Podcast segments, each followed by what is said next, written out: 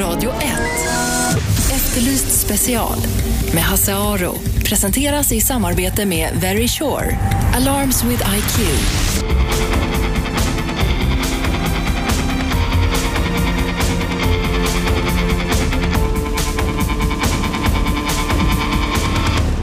Välkomna till Efterlyst special idag.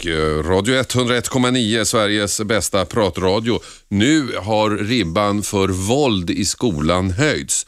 Det är nämligen två domar som båda på varsitt sätt säger att visst våld i skolan är helt okej. Okay.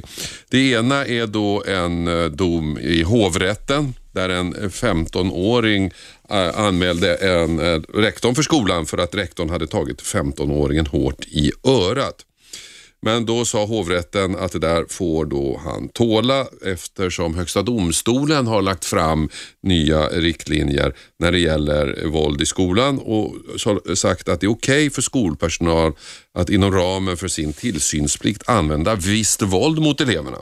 Även om det inte handlar om en nödvärnssituation. I det här fallet så var det en niondeklassare som var i konflikt med både skolan och rektorn eh, personligen. Han skolkade mycket och en dag när rektorn stötte på honom i en korridor under lektionstid så tog rektorn tag i pojkens arm och ledde in honom i klassrummet och satte honom i en bänk längst fram. När pojken reste sig för att gå och hänga av sig sin jacka utbröt en diskussion mellan pojken och rektorn och till slut tröttnade rektorn. Han tog tag i pojkens öra och tvingade honom att sätta sig ner igen. Enligt rektorn var greppet tillräckligt hårt för att 15-åringen inte skulle kunna springa iväg. Enligt pojken var greppet så hårt att örat var både rött och svullet ett par dagar efter händelsen. Både tingsrätt och hovrätt konstaterar att rektorns agerande var olämpligt men med hänvisning till Högsta domstolens nya riktlinjer så tycker de att det ändå var inom ramen för rektorns tillsynsplikt. Så det är det ena. Eh, lärare får alltså använda eh, visst våld och lärare ska också tåla visst våld enligt en annan dom i tingsrätten i Gällivare. Eh, det, var en lärare som misshandlades av en elev på en skola i Kiruna efter att, eleven fört ut, efter att läraren fört ut en Eh, Eh, den här eleven ur skolans matsal för eleven hade misskött sig där inne.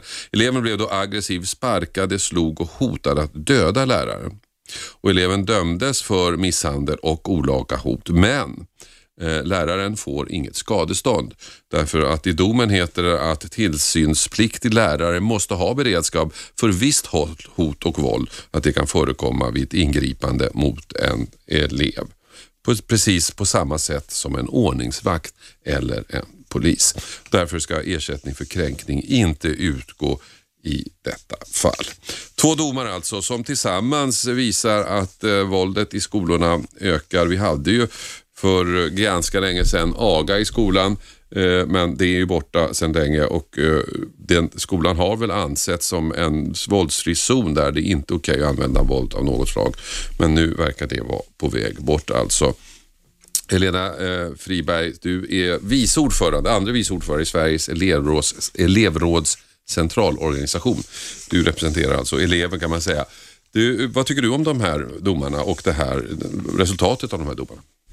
Ja, alltså Seko står ju för att um, vi tycker att det är konstigt att, att skolan behandlas som en sluten värld och inte som resten av samhället helt enkelt. Mm. Så de här, de här domarna är, är problematiska helt enkelt. Mm. Um, det gör ju att man ser på att det är okej för en lärare till exempel, eller en rektor, att äh, agera ordningsvakt eller polis. Och vi vill ju hävda att lärarens främsta och kanske enda uppdrag är att eh, förmedla kunskap. Mm.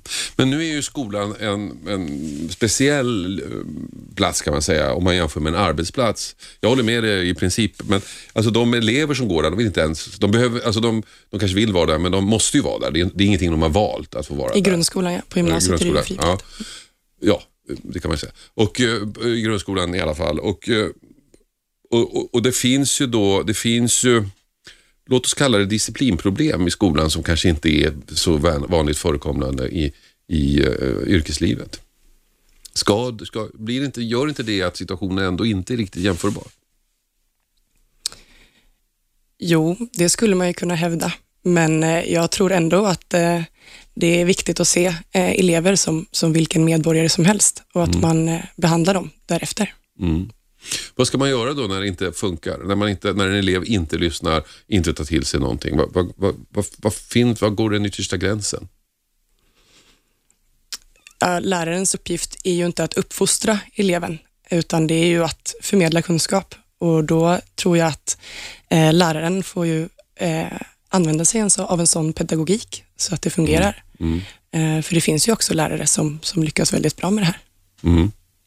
Vad tycker du som lyssnar? Ring in 0211 12 13 0211 12 13. Är det rätt att eh, domstolarna nu eh, höjer ribban för våld i skolan? Att lärare dels får använda våld mot eleverna och dels också måste tåla våld mot, eh, från eleverna. 0200 11 12 13. Med mig i studion finns Helena Friberg som är andre vice ordförande i Sveriges elevråds centralorganisation. Och Helena, vilket är värst tycker du av de här domarna? Att, att lärare får använda våld eller att lärare ska tåla ett visst våld? Jag tycker att eh, det är upp till en domstol att säga vad som är, är värst helt enkelt. Mm. Um, och Jag tycker att allt, all, alla brott och allt våld som förekommer är, är fel helt enkelt. Mm. Ska höra vad lyssnarna säger. Hallå, vem där? Hallå, vem där? Hallå, är du där? Hej, Mikael Line heter jag. Hej Mikael, vad tycker du? Jag tycker att eh, det svåra blir väl egentligen det här med att man släpper lite grann och det är inga klara regler för vad som egentligen gäller. Att man tillåter viss våld. Mm. Eh, för det första tycker jag personligen att det ska vara nolltolerans men jag tänkte rent så här som nu till exempel om en kille spöar på en tjej då som är lärare eller mm. om en, ja då tycker man att det är fel där, då är det inte lika för lagen och sen om det är en manlig kille som, eh, lärare som åker på stryk av en kille som tränar kampsport till exempel, då blir det ju fel där också. Eh, ja, helheten är allting fel med våld överhuvudtaget, men problematiken tror jag blir, var går gränserna sen då när det inte står skrivet? Mm, vad tycker du själv? Eh, nolltolerans, det, det, det, ska inte förekomma våld överhuvudtaget. Ja. Så att om en lärare som tar en elev i örat, som i det här fallet, för att sätta ner den på stolen och, ber, och få den sitta stilla, det, det, det är inte okej? Okay. Nej, det, det, är fel. Men sen samtidigt så, han har ju, eleven har inte rätt, jag vet inte, han har säkert varit jättevåldsam i den här matsalen också, men ta i örat är också fel.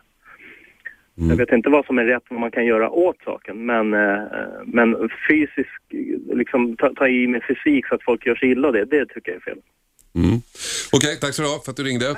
Eh, vad tycker du som lyssnar? Är det okej okay med visst våld i skolan? Ska lärare eh, kunna använda våld för att eh, komma till rätta med stökiga eh, elever? Eh, enligt en domstol i eh, Gällivare så är, är lärarrollen att jämföra lite grann med polis eller eh, ordningsvakt och därför får man också använda visst våld och tåla visst våld. Eh, 0200 11 12 13, hallå vem där? Hallå? Ja, hejsan, har du kommit? Till Radio 1. Vi diskuterar våld i skolan. Har du ringt rätt? Jajamensan, det stämmer. Ja. Vad tycker du? Uh, nej, men jag tycker faktiskt att det här med våld är ganska okej. Inte i stor utsträckning, men att eleverna sköter sig. Ja, hur menar du då? Ja, men det är inget fel att ta tag i dem. De, de förstör ju för alla andra barn som kanske sköter sig. Jag kan dra ett exempel. Jag gick ettan i Rumänien, vet du. Ja. Och jag var ganska stökig en, en dag där. Drog hon fram mig till katedern och så slag över hand. Nu försvann du precis när du berättade vad som hände. Tog hon fram dig till katedern och? Jag fick tio slag med linjalen över handflatan. Efter den dagen så gjorde jag aldrig någonting. Nej, men det där skulle man ju då kunna det där skulle man ju kunna eh, överföra på samhället stort. Kanske kanske lite stryk lite var man. Ja, inte direkt, men det, det, det, det kanske var ganska brutalt. Men ta tag i en elev, det tycker jag inte är fel. Det är som den här Friberg säger, hon verkar ju vara ganska slapp. Läraren är där för att förmedla kunskap. Ja. Lite disciplin skadar ju inte heller. Helena Friberg. Helena är, lä är, inte lärare utan hon, är, hon representerar eleverna ska jag säga. Eh, är, är, du lite slapp?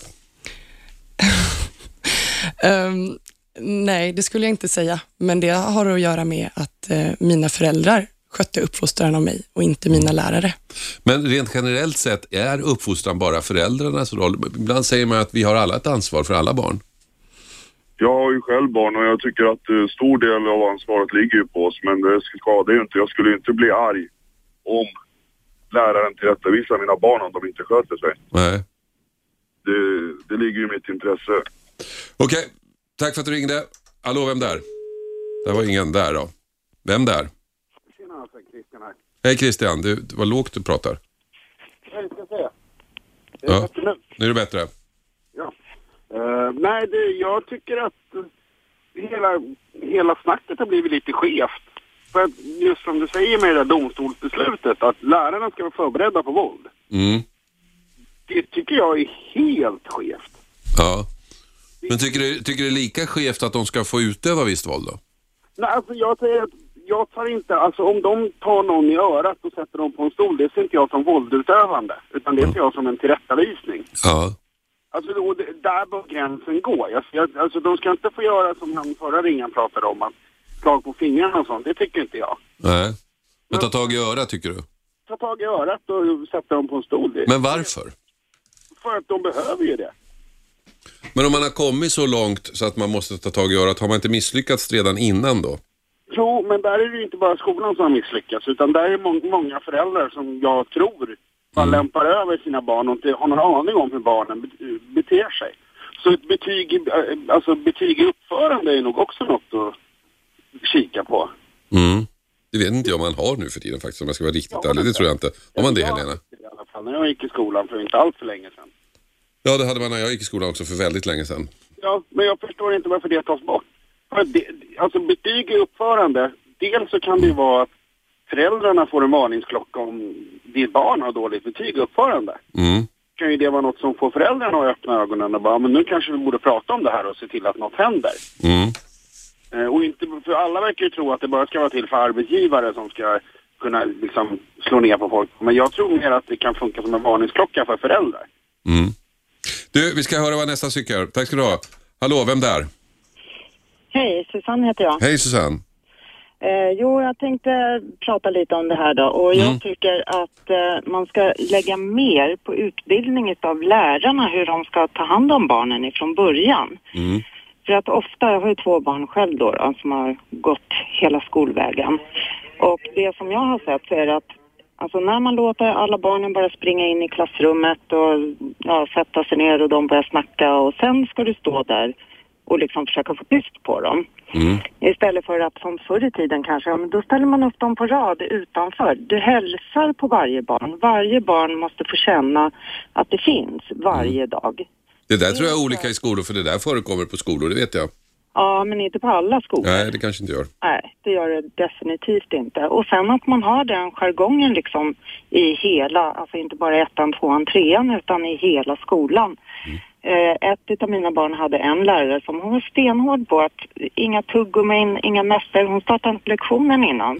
Och hon behövde bara lägga kanske två, tre, första delen utav två, tre lektioner. Sen funkade det där i två, tre års tid. Så du menar om man, om man, kör- om man har en lägre toleransnivå på små saker så kommer man aldrig till de stora sakerna? Nej, precis. För då vet de att så här, det är samma som förälder. Att ifall jag är tydlig med mina barn och talar om ifrån början att så här agerar jag om det här och det här händer. Ja, men då, då slipper man undan det. Men man måste börja redan från början. Va?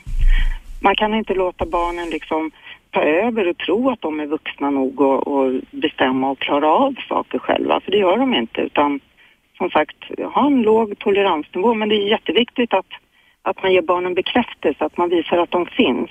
Men det här med att använda våld då? Liksom. Absolut inte. Det är ju helt emot. Absolut inte. Det finns Och- ingen anledning, för det går att komma till rätta med saker på andra vägar, jag lovar. Okej Susanne, tack för att du ringde. Ni lyssnar alltså på Radio 101,9, Sveriges bästa pratradio. Vi pratar om våld i skolan. Detta med anledning av ett antal domar som höjer ribban för våld i skolan. Högsta domstolen har slagit fast att lärare får använda visst våld i sitt arbete, men måste också tåla våld från eleverna. Är det rätt eller fel? Vi fortsätter diskutera efter paus. Radio 1. Efterlyst special med Hasse Aro. Presenteras i samarbete med Very Sure. Alarms with IQ.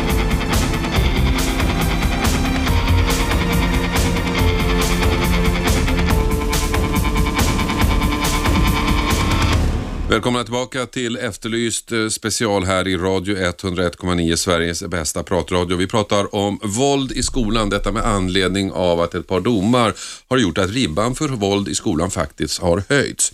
Det ena handlar om en eh, rektor som använde våld mot en elev. Det är, en, eh, fallet handlar om en niondeklassare som hade hamnat i konflikt med både skolan och rektorn personligen och han skolkade mycket.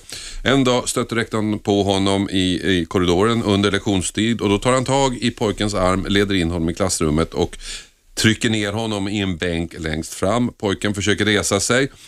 Då uppbröt en disku, diskussion mellan de två och rektorn slutnade, tröttnade till sist, tog tag i pojkens öra och tvingade honom att sätta sig ner. Enligt rektorn var greppet tillräckligt hårt för att 15-åringen inte skulle kunna springa iväg och enligt pojken var greppet så hårt att örat var både rött och svullet ett par dagar efter händelsen. Tingsrätten och hovrätten konstaterar att rektorns agerande var olämpligt, men det är inte att betrakta som misshandel eller ofredande därför att Högsta domstolen har slagit fast att det är okej okay för skolpersonal att använda visst våld mot eleverna.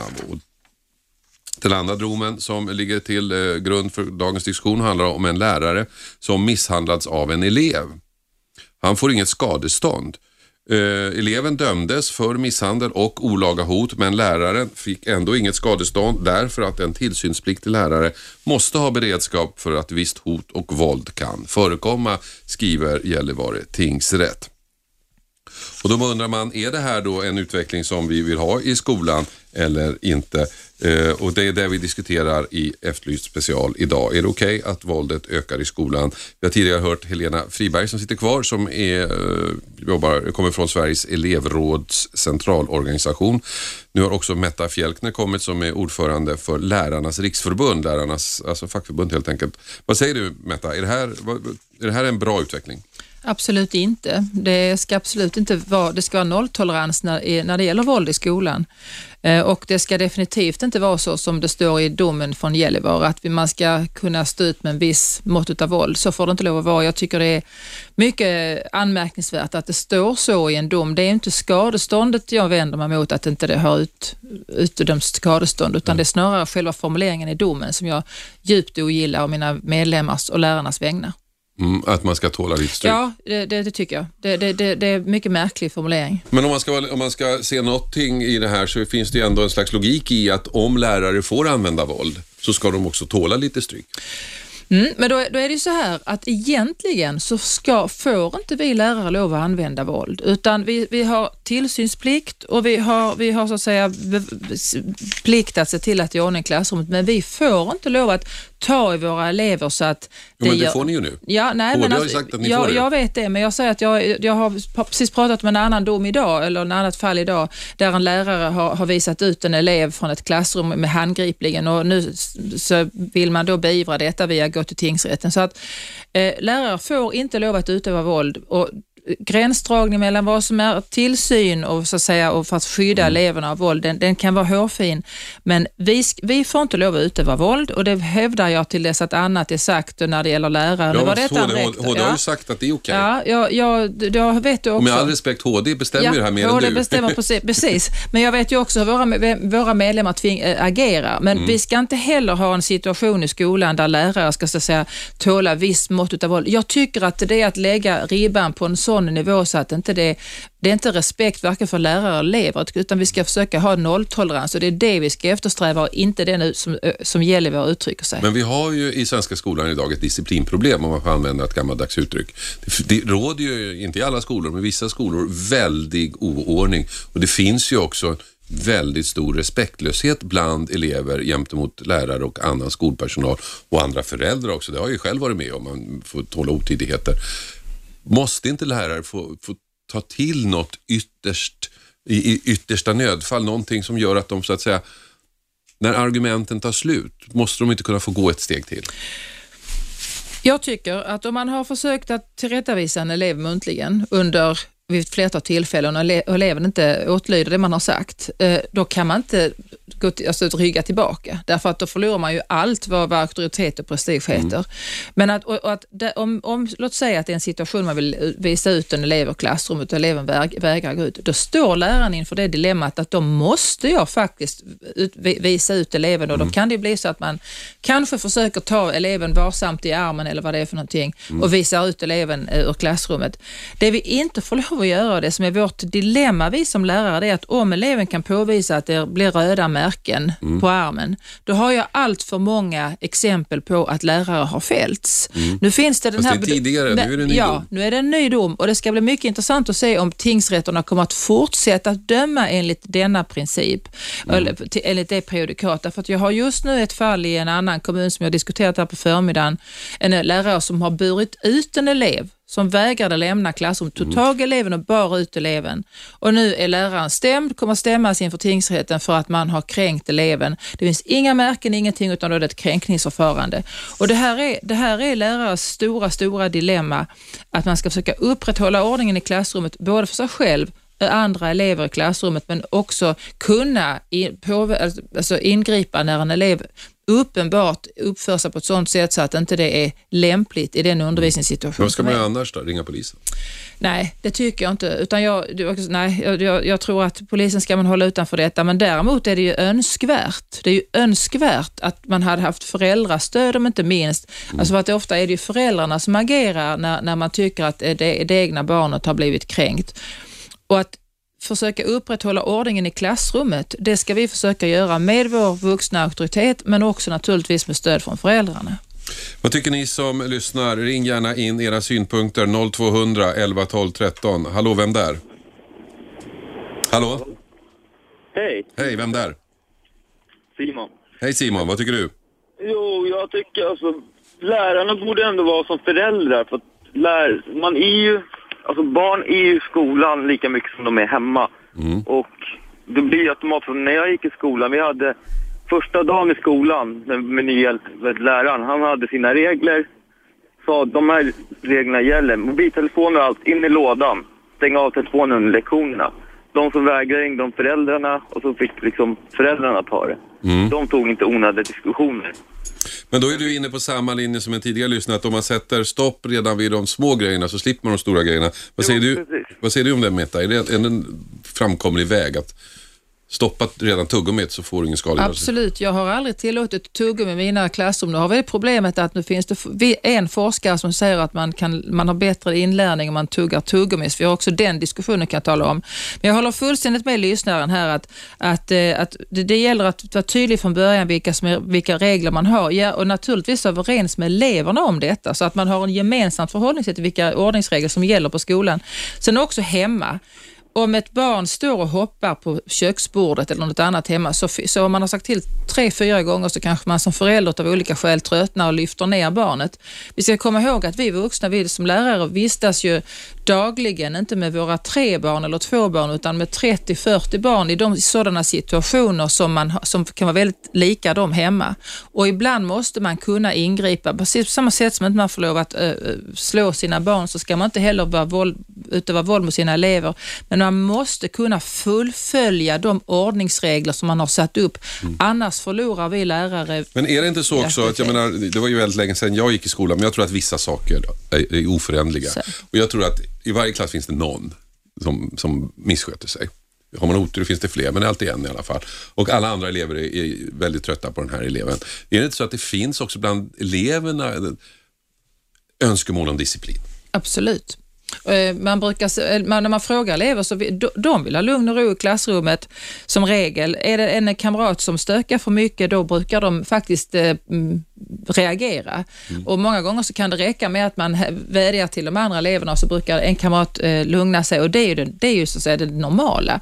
Det som vi diskuterar nu, det är ju det som avviker. Eh, och Det är ju när man inte kan så att säga komma till rätta med just en elev eller ett par elever som ständigt provocerar och som hittar på saker och ting så att jag som lärare måste ingripa. Jag har varit med om detta många gånger. Det är lika besvärligt varje gång, men man måste fullfölja sitt uppdrag som lärare att försöka upprätthålla ordningen i klassrummet. Radio 1, välkommen. Ja, goddag, tjena, Jonny. Hej Jonny. Hejsan, hejsan. Eh, jag tänker på, på det här med målet här nu, den här läraren som inte fick... eh, Skadestånd. någon, eh, Ja, precis. Vad, vad, vad sa de där i domen? Att viss mått, mått av beredskap att Ja. våld kan förekomma. Nej, man måste ha beredskap för att hot och våld kan förekomma. Och, det, och, då, och då betyder det då att, att man, om han hade, hade sparkat den här läraren, då ska läraren få sparka honom också. Då är Nej. han i beredskap. Nej, utan, ja, det vet jag inte. Ja, det vet jag faktiskt inte. Bra fråga. Beredskap i militära, då Men, men jag, tror att, jag tror att läraren i det här läget, som jag tolkar HDs dom, hade kunnat låsa fast eleven. Men, men om man följer våld, våldstrappan då, som man fick lära sig i lumpen Ja. Mm. här vid vaktutbildning. Om någon slår dig så får du slå lika hårt tillbaks utan att bli dömd. Ja, ja jag vet då- faktiskt då- inte. Det är väl det som är problemet med de här domarna, att man vet inte var gränsen går. Nej, men Ja. man trappar ju upp våldet liksom. Det är ju så folk skaffar tyngre och tyngre vapen. Ja. Metta, vad säger du? Ja, nej, men alltså det, det, det viktiga här, jag tycker det är en väldigt bra fråga och synpunkt. Det, det, viktiga här är att i domen i Gällivare så har man gjort en annan sak. Man har jämfört lärare med poliser och eh, Väktare. väktare. Och, ordningsvakter. och där finns absolut inga som helst likheter i de befogenheter lärare har och väktare. Det är helt skilda, skilda yrken. Så att, och när det gäller det militära kan jag för lite om det, men jag kan säga att lärare har, det finns ingenstans i min långa lärarkarriär som, där, vi, där man kan likna lärare vid militärt. Så att det, det, det, går inte att, det går inte att applicera på vad lärare gör. Nej, men då, då, blir det, då fortsätter det där lustiga då, då. Då säger de att man ska likställas med, med väktare och polis. De får ju använda våld. Mm. Då får ju läraren också använda våld då. Jag tror inte det är konsekvensen av den domen faktiskt. Utan alltså, Det är den andra domen, Ja. det är den andra domen där lärare får använda våld. Men det är, det är ditt resonemang. Det, det, de jämför också, men då pratar ju om någon tillsynsplikt där. Så att det är, Även om de inte går så långt i den domen så de nämner just orden polis och ordningsvakt så finns det ändå underförstått där. Du, jag måste ta reklam nu. Tack för att du ringde. Ni lyssnar alltså på Radio 101,9. Vi pratar om våld i skolan med anledning av två domar i, i olika domstolar. Har du några synpunkter ring 0200 11 12 13. Vi är strax tillbaka. Radio 1. Efterlyst special med Hasse Aro. Presenteras i samarbete med Very Sure. Alarms with IQ.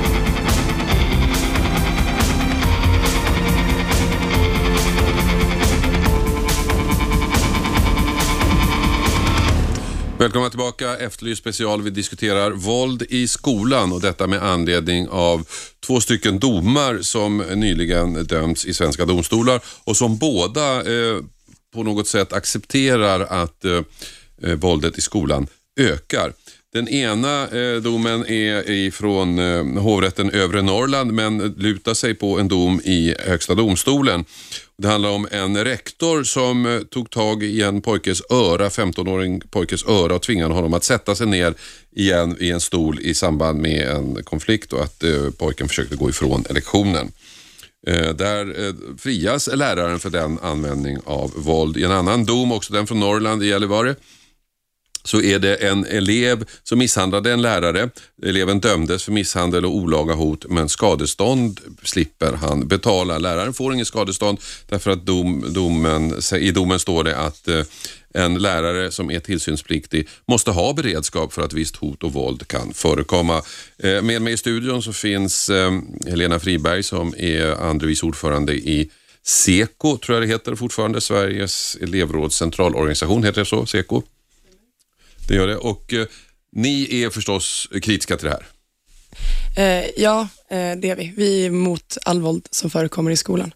Eh, vi tycker att eh, skolan ska eh, ses som en del av, av samhället och brott som förekommer i skolan ska, ska dömas precis på samma sätt som det gör i resten av samhället. Det här som eh, tingsrätten Gällivare skriver då i sin dom att eh, eh, man jämför lärare med till exempel en ordningsvakt eller polis. Vad tycker du om det? Ja, det är ju, för, tycker jag är väldigt omotiverat eh, eftersom en, en lärares uppgift är, är att, eh, att förmedla kunskap och, och hålla i undervisningen helt enkelt. Vad tycker du som ringer? 0200 11 12 13 är telefonnumret 0200 11 12 13. Hallå, Paco har ringt. Hallå? Hallå? Antingen jag som gör fel också har han försvunnit. Har vi någon där? Radio 1 här? Nu så, hallå, någon där? Det är jag som tryckte bort folk. Ursäkta ni som fick vänta så tryckte jag bort er här nu. Nu, vem där? Hallå, det är Tobbe här. Hej Tobbe. Vänta, jag ska bara sänka bilradion. Ja, vad tycker du? Jag tycker så här att eh, våld är väl aldrig acceptabelt oavsett var det förekommer, Nej. tycker jag. Och sen tycker jag väl, alltså det är lite konstigt med den här domen nu då. Om de säger, som jag förstod att du sa, så blev han dömd, blev eleven dömd för misshandel. Ja, just det. Alltså vanlig misshandel. Ja. Men om man går ut och misshandlar en polis eller eh, ordningsvakt, man dömer mot våld mot tjänsteman, vilket är ett grövre brott. Mm. Så du menar att det här är liksom, håller inte, jämförelsen håller inte? Nej men jämförelsen håller inte och gör de den, alltså dels är jämförelsen eh, helt skilda för att poliser har ju en makt att utöva för att hindra våld. Mm. Eh, lärare har en makt att utöva kunskap. Mm. De går inte, de är inte utbildade i hur man tar hand om bråkiga personer, det ingår inte i lärarutbildningen. Men allt det där håller vi med om och det låter fint och sånt där. Men när du står där med den där eleven som vägrar gå ut ur klassrummet och bara förstör för alla andra, vad ska du göra? Ja, det är ett, eh, det är ett dilemma faktiskt. Och eh, där tycker jag, alltså självklart, eh, jag förstår alltså lärare som, jag förstår lärare som gör, nyttjar den eh, makten att eh, till exempel av rektorn som nöpar ner för att sätta honom ner. Eh, lite en sån sak, det, det kan jag väl köpa men det, det, det kan jag köpa och förstå utan det jag snarare vänder mig mot det är då den här eleven. Eh, Som, ja, som slog läraren? Alltså, alltså domen som säger att lärare måste ta en del våld. Mm. Det, det finns inte och självklart liksom, elever som inte eh, lyssnar på läraren, de får man väl... Ja, vad gör man med dem? Ja, vad gör man då? Vad gör man med dem, Helena? Du Eh, som företräder elever. Ja, alltså det är fortfarande så att eh, läraren aldrig får gå, gå över en, någon gräns och bruka någon form av våld. Eh, Men det är ju så lätt att säga. Och du står där i klassrummet, 29 elever som vill lära dig nå- jag någonting tror att och det en är som ett, förstör. ett, ett djupare problem än, än att det är Men där och då, just disciplinen där och i då, klassrummet. du står där med den här eleven som bara är dum i huvudet. Sådana elever finns, det vet jag. Jag tycker att det är hemskt att säga att de är, är dumma i huvudet. Eh, Det finns Ja, men de menar inte ointelligenta, men dumma liksom. Ehm, I det ögonblicket. jag, tror att, jag tror att står man på sig eh, och, och, och är, är riktigt hård Mm. så, så tror jag inte att, eh, att det är omöjligt. Och, och Jag tror det är precis som vi har sagt innan också, att, att man kan göra små saker innan de stora Mm. kommer helt enkelt. Hallå, vem där? Hallå, ja det är Jari. Hej Jari. Hej. Jag tänkte att uh, varför inte ta igen uh, i bruk det här uh, eftersittning och det här... Kvarsittning menar du? Ja, lättare straff eh, som arbete i köket med mattanten och eh, diska och kanske städa och sådana grejer ute på gården, kanske plocka skräp och eh, det här, eh, det är liksom mera eh, till inte, är inte, gör inte ont. Vad säger du eh, Helena, kan det vara en... Jag vet inte, sitter man kvar i skolan fortfarande? Eh, nej, det gör Nej. man inte. Ehm, men men eh, jag, jag tycker att Eh, återigen så gör man skolan till en egen sluten värld. Mm. Eh, jag tycker att det är viktigt att man, att Men man ser... är inte skolan någonstans mellan en arbetsplats och en fångvårdsanstalt? Eh, eh, jag skulle säga att skolan är en arbetsplats eh, som delas av lärare och elever. Om man vill ha lugn och ro och, och eh, du undrar på vilken annan arbetsplats blir man tillsagd att sitta kvar efter skolan. Eh, Nej, men där får man ju annat än betalt, så då går man därifrån så får man inga pengar. Eh, ja, men eh, sen så har det också att göra med hur, hur eh, elever som är myndiga har man ju ingen rätt att, att hålla kvar heller. Det är många som ringer. Välkommen till Radio 1. Ja, hejsan, mitt namn är Ali. Hej Ali. Hej. Jag tänkte bara säga det att jag är en utav de där bråkiga eleverna, eller jag var åtminstone när jag var eh, ung. Och eh, vi hade en fröken som hette Ulla som drog mig i nackhåren varje gång jag blev riktigt jobbig.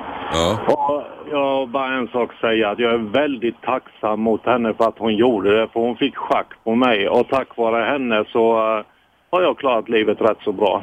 Men du, tror inte att hon kunde ha använt någon annan metod och lyckats Jo, lika hon bra? använde många metoder. När jag var ledsen så satt hon och, och tröstade mig och när jag var riktigt jobbig så, ja, då visste man att då fick man, då fick man eh, eh, nackhåren dragna och man lugnade ner sig väldigt snabbt när hon gjorde det. Och som sagt, jag är väldigt tacksam för att hon gjorde det. Mm. Okej, tack ska du ha. Då tar vi sista samtalet. Vem där? Hallå? Välkommen till Radio 1. Tackar. Eh, Jag heter Håkan. Hej Håkan. Var det, var, var det, du satt och väntade förut va, så råkade trycka bort dig? Ja, precis när du Ja. tryckte. Ja, men det, det, det, jag ber om ursäkt. Ja, det behöver inte jag. Det förstår jag att det Mm. händer. Och när jag ändå håller på så ber jag Paco och Susanne om ursäkt också, som jag också tryckte bort. Hoppas de ringer igen. Mm. Ja, Håkan, vad vill du? jag, det jag ville prata om det var mina erfarenheter som, eh, från skolvärlden. Då.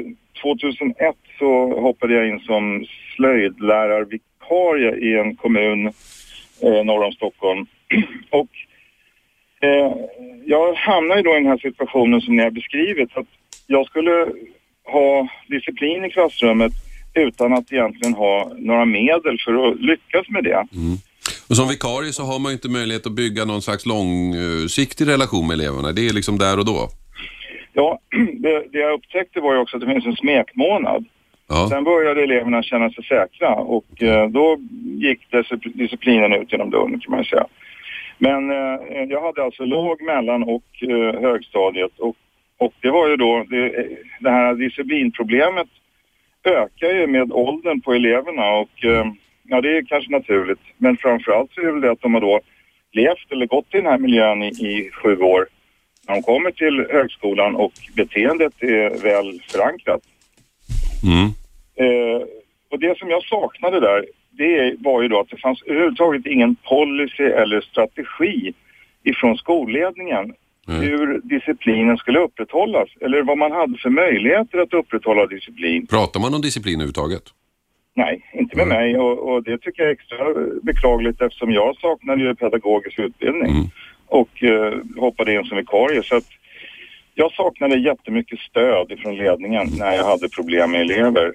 Jag visste inte hur jag skulle bete mig. Och det var ju så att mellanstadiet, man får ju liksom inte, man har ju ansvar för eleven så man får ju inte skicka ut dem i korridoren i den åldern då. Nej. Händer det någonting så, så är det läraren som är ansvarig.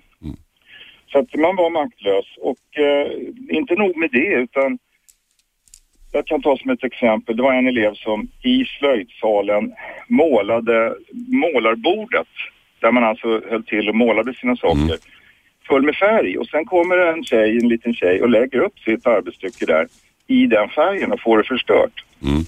Det är klart att jag blev arg. Det är klart att jag skällde ut den här killen. Eh, Då, då vägrade han sen komma till slöjden för att jag var elak och han fick alltså stöd för det. Så att ja, jag kände mig helt maktlös och efter en termin så förstod jag att skolan var en speciell värld. Där hörde inte jag hemma. Okej Håkan, eh, tack för att du ringde. Det, din, din, din bild inifrån skolan här får avsluta den här diskussionen. Tack Håkan, tack alla andra som ringer in hit till Efterlyst special. Efter eh, pausen ska vi prata om eh, den anlagda branden i Harry Scheins villa. Spännande, missa inte det. Radio 1. Special med Hasse Aro. Presenteras i samarbete med Very Sure. Alarms with IQ.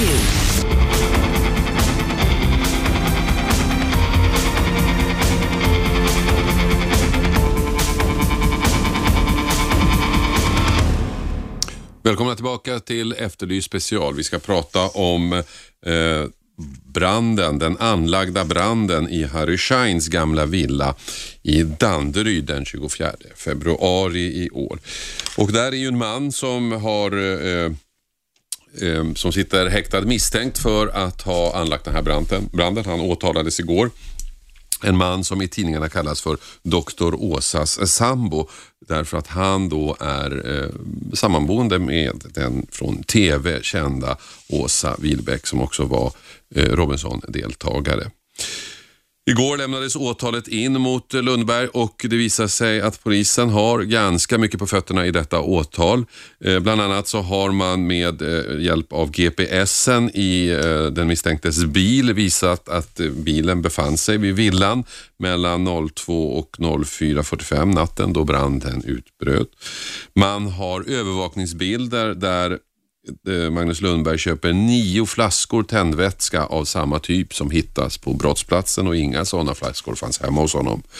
Han köpte också en pulka på Biltema som polisen tror att han används för, använt för att dra tändvätskan till huset.